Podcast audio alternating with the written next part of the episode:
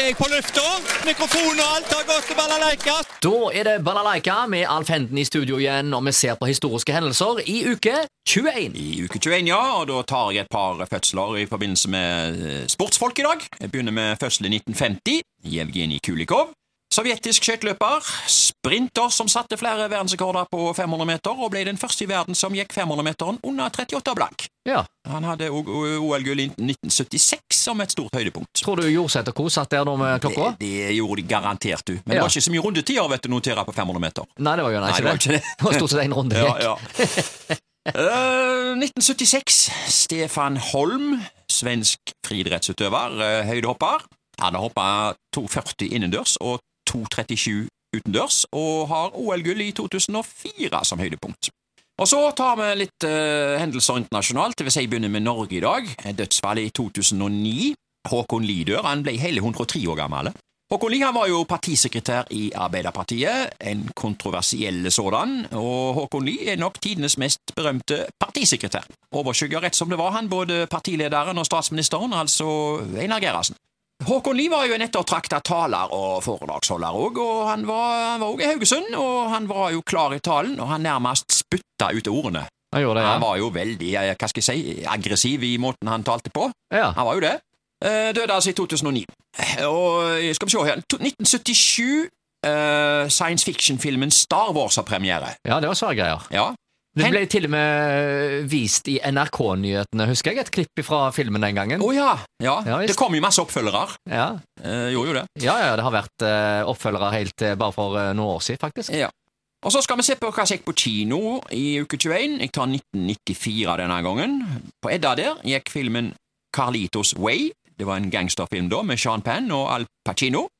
Og så gikk filmen Mannen med den nakne pistol, en crazy komedie med Leslie Nielsen i hovedrolla, og i en av birollene var nettopp Priscilla Presney, som vi snakket om her i går eller i forgårs. Ja. Ja. Og så gikk også, uh, altså Mannen med den nakne pistol, da, det var jo den tredje filmen da, om politimannen Frank Drebin. Har det kommet flere? Jeg tror det har kommet noen etter den òg. Det har det sikkert. Ja, muligens. Og så gikk det en film som heter Pelikanrapporten. Det var en stor film. Det var jo en thriller da, med Julia Roberts og Dancel eh, Washington. Og så skal vi se på 1914. Vi skal tilbake til den første flyoppvisningen i Haugesund. Å ja, Chantelops. Var det bra fransk? sikkert. Flyvning i går kveld på Stangelands eiendom. Var Stangelands Var det bra karmøysk?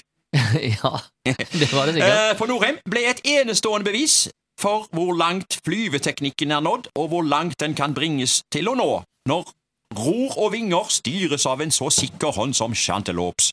Jeg kan si litt om en Chantelops. Han var jo en fransk flyver som inv- inviterte til Haugesund for å ha oppvisning, og Haugesunds Dagblad skrev videre. Den siste del av gårsdagen artet seg som en utfartsdag for hele byen.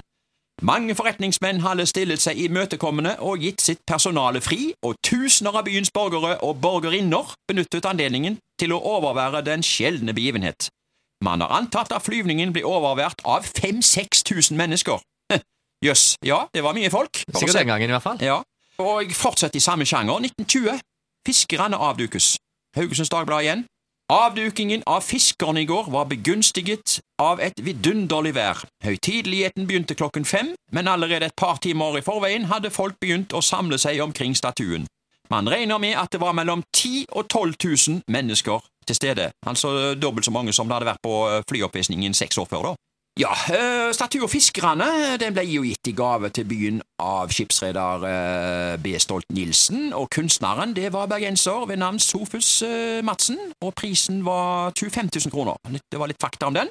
En annen ting, du.